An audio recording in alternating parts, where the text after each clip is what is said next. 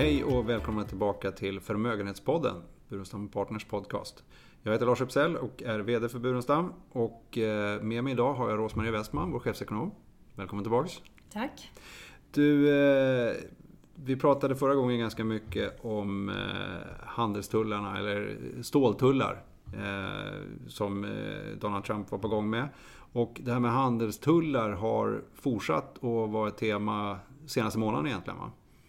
Det stämmer. Vi har haft eh, en eskalerande nivå på de här tullarna. Eh, det började med att eh, ståltullarna blev begränsade så de riktades i huvudsak mot Kina. Vilket var vår tro förra gången här. Och det finns alltså nya hot om mer tullar från USAs sida till Kina. Då. Och det första paketet var på 50 miljarder. Eh, Kina svarade då med ytterligare 50 från deras sida och då drämde Trump till med ytterligare 100. Ingenting av detta, de här ytterligare 150, har dock eh, gått i effekt ännu utan de ska utvärderas under två månader och då är tanken att de ska förhandla.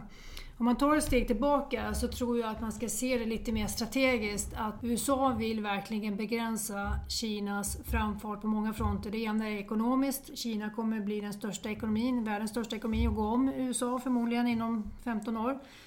Eh, de har högre ambitioner även på den militära sidan och eh, inom ett väldigt viktigt område som artificiell intelligens har de tydligt uttalat att de vill bli världsledande på detta och eh, dominera till och med artificiell intelligens. Och det kan man väl säga för USAs del är det oacceptabelt. De kan inte ta en sån utveckling utan de försöker helt enkelt försvara sin position. Mm. Och när Kina svarar upp så här då, eh, vad, vad, ska amerikanerna vara mest rädda för? Jag menar, kineserna eh, äger väl bland annat mest av den amerikanska statsskulden. Finns det andra saker att vara orolig för, som amerikan, tänker jag? Ja, hotet om tullarna slår ju överhuvudtaget tillbaka väldigt mycket på eh, den amerikanska ekonomin. Det finns mycket prat om att det är jordbruksprodukterna som de är pekade, utpekade, de kommer drabbas och väljarbasen förstås gillar inte detta. I Kina är det inte lika tydligt att vem som drabbas, eh, för exporten till USA är mycket mindre. Eh, den är bara dryga 100 miljarder. Ehm, så att jag tror att man ska se det att man använder tullarna för att öppna upp den kinesiska ekonomin från amerikanska företagen. Det är egentligen huvudsyftet. Och vi har sett att eh, nu de senaste dagarna här att Kina börjar backa lite grann och har medgett att de ska öppna upp. Men det betyder ju inte att de kommer att öppna upp i den utsträckningen som, Kina, som USA förlåt, egentligen eh, har tänkt sig. Utan eh, det här kommer hålla på ett tag och eh, jag tror att det här blir återkommande tema som inte kommer försvinna och att det här som sagt var är kanske början på ett kallt krig mellan Kina och USA som vi får se vad det tar vägen över, över längre tid. Vilket tema menar du skulle återkomma? Det här med konfrontationen, som, som jag skulle kunna kalla det, mellan Kina och USA. Att uh, den här, det här gnisslet mellan ja, de länderna, ja. det kommer vara kvar. Och, och, för amerikansk del då, vad är det stora hotet då? Ja, det stora hotet är ju att vi får nationalistiska tongångar eh, i, även i Kina och att man kan bli utsatt för eh, köpbojkotter av amerikanska produkter och det tror jag inte ligger så långt borta. Um, iPhones till exempel, det skulle mycket väl kunna vara så att kineser slutar köpa iPhones. Mm. Kina har ju mycket mer uh, kontroll och möjligheter och propaganda och sociala medier. Det fungerar ju på ett helt annat sätt. Uh, så de skulle verkligen kunna utnyttja dem för att påverka sin egen befolkning i den riktningen. Och då menar du att det politiska styret är annorlunda? Demokrati? Ja. Mycket annorlunda. Ja, mycket annorlunda. Vi nöjer oss där. Du, eh, även tonen mot Ryssland har... Det blir mycket USA här nu, eh, men det, väl, det, har hänt mycket i USA. Men tonen mot Ryssland har ändrats. Eh, och det, det är ju inte bara den här spionattacken va, i, i England, det är andra saker som har hänt också. Ja, det började ju ganska vänligt ton mot eh, Ryssland och eh, det är klart det hängde ihop med Rysslands eh, påverkan på valet och det, det är det finns mycket diskussioner du, egentligen. Du menar ända tillbaks till när Trump blev vald? Precis. Det var, det var som början? Det var början och då var ju Trumps idé om att man skulle ha en upptinning av relationerna snarare, att den skulle bli bättre och det fanns ju förhoppningar från Rysslands sida om att eh, sanktionerna skulle upphöra och så vidare. Så har ju inte blivit fallet utan eh, det som hände i England tvingade egentligen fram ett ställningstagande i, från USA. Eh, man var helt enkelt tvungen att sluta upp eh, bakom England. Så där kan man säga att där avgjordes den frågan och eh, när man väl har gjort det eh, såklart att då blir det väldigt lockande för Ryssland att faktiskt testa den här beslutsamheten i det ställningstagandet och det är det man har gjort nu i, i, i med den här gasattacken i Syrien. Och eh, tonläget är upptrappat. Eh, USA lovar att det ska bli en rejäl attack här med missiler och man har också varnat Ryssland för att svara upp eh, på den attacken.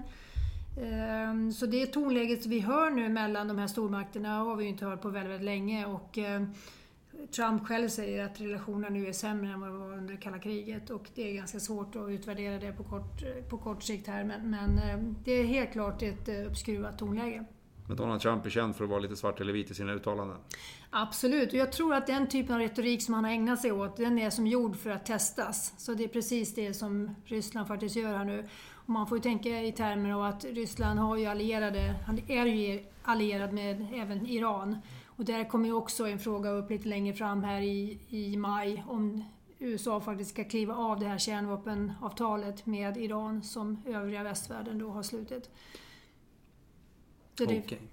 Men med all den här eh, som, som vi nu har pratat om, som händer i USA, vad, hur, hur, hur påverkar det det ekonomiska läget? Spiller det över på Europa? Det är svårt att läsa Eh, utfallet i förväg här, exakt hur det, hur det ska bli. Så jag tror att det här bidrar till en viss osäkerhet för näringslivet. Ehm, det kan ju bli så att det gynnar Europa på kort sikt, de här tullarna, för att det finns möjligheter till försäljning då som inte hade funnits om man inte hade introducerat de här tullarna mot eh, USA från Kinas del. Men eh, om man sammantaget ser på situationen så har vi ett hot om ett ganska omfattande handelskrig, om man nu vill kalla det för det, som hänger över oss och det kommer ju påverka investeringsviljan på marginalen, åtminstone för företagen. Och eh, det, det, är ju någonting som, när vi pratade om det förra gången, då var det ståltullar. Nu, så du ser egentligen som att riskerna där har ökat då? De har ökat lite grann skulle jag säga för att det är eh, det är väldigt tydligt nu att det är Kina som är med måltavlan för det, för de här, det här agerandet. Och vi vet ju med Trump att de idéer han har, de släpper han inte gärna. Så det är inte så att han, tror jag i alla fall, att han kommer bocka av den här frågan som, som färdigförhandlad utan den kommer finnas där hela tiden och han kommer pusha den i, i den här riktningen. Och eh, det är ju frågan också, Kina har ju nära allierade i, i Ryssland förstås, så de tillsammans kommer ju utgöra allt mer eh, problematik tror jag för, för USA. Och i slutet, i, om vi ser det i förlängningen så vill ju naturligtvis både Ryssland och Kina ha bort eh, USA militärt från Asien. Och eh, ska vi summera på något sätt så låter det som att osäkerheten har ökat. Håller du med om det? Det tycker jag att den har gjort. Eh, normalt så brukar inte den låta påverka för mycket eh, när det gäller investeringar. Eh, marknaden är ju ganska snabb på att ta till sig osäkerhet och man får lite lägre priser och då är det ganska attraktivt att vara investerad för man har kvar en bra uppsida. Nu är det lite tvärtom, att vi har ganska höga förväntningar när det gäller ekonomisk tillväxt. Vi tror att den, de flesta tror att den kommer vara bra framöver. Och de här hoten i form av både geopolitik och eh, handelshinder har inte påverkat marknaden speciellt mycket. Även om vi har sett lite sättningar så är de fortfarande väldigt begränsade. Okej, okay. riskerna har ökat men priserna är de samma. Kan man mm. sammanfatta så ungefär? Absolut, det stämmer. Eh, och vad gör jag då, då, rent taktiskt, i min portfölj? Ja, vi rekommenderar nu att man minskar exponeringen lite grann mot aktier. Eh, just för att skapa sig lite handlingsutrymme om, om det skulle bli så att vi får de här riskerna inprisade i marknaden så kan man gå tillbaka in i marknaden på, på, lägre, på lite lägre kurser. Eh, vi ser inte något överhängande hot för att det ska bli av detta en stor lågkonjunktur som ligger precis runt hörnet. Men eh, det är ändå en lite mindre attraktiv miljö att vara investerad i. Så mindre korrigering alltså, av aktieexponering? Mm. Mm. Du, eh, vi brukar prata, liksom, om vi pratar med, med prisnivåer så där så eh, vi brukar prata om smarta pengar. Och, och med smarta pengar menar vi att försöka söka sig till investeringar där andra inte vill vara. För då kan man ju få bra prissatt och bra avkastning. Eh, nu verkar det som att det finns många som vill investera i aktier, det är många som vill investera i Eh, högränteobligationer och statsobligationer, alltså de likvida tillgångarna. Vad, finns det något ställe kvar? Eh, finns det några smarta ställen att placera pengarna på idag? Ja, man brukar säga att man får en högre förväntad avkastning om man är beredd att låsa in sina pengar. Och då finns det två tillgångslag, private equity, eh, där man då binder upp sig kanske 7 till 10 år. Och det finns också det man kallar för private debt, alltså skulder som förmedlas genom bankerna direkt mellan låntagare och långivare. Eh, och som innebär en inlåsning även det. Eh, så det är väl en möjlighet som man har kvar. Okej, så du avslutade den här podden med en möjlighet i alla fall. Tack för den.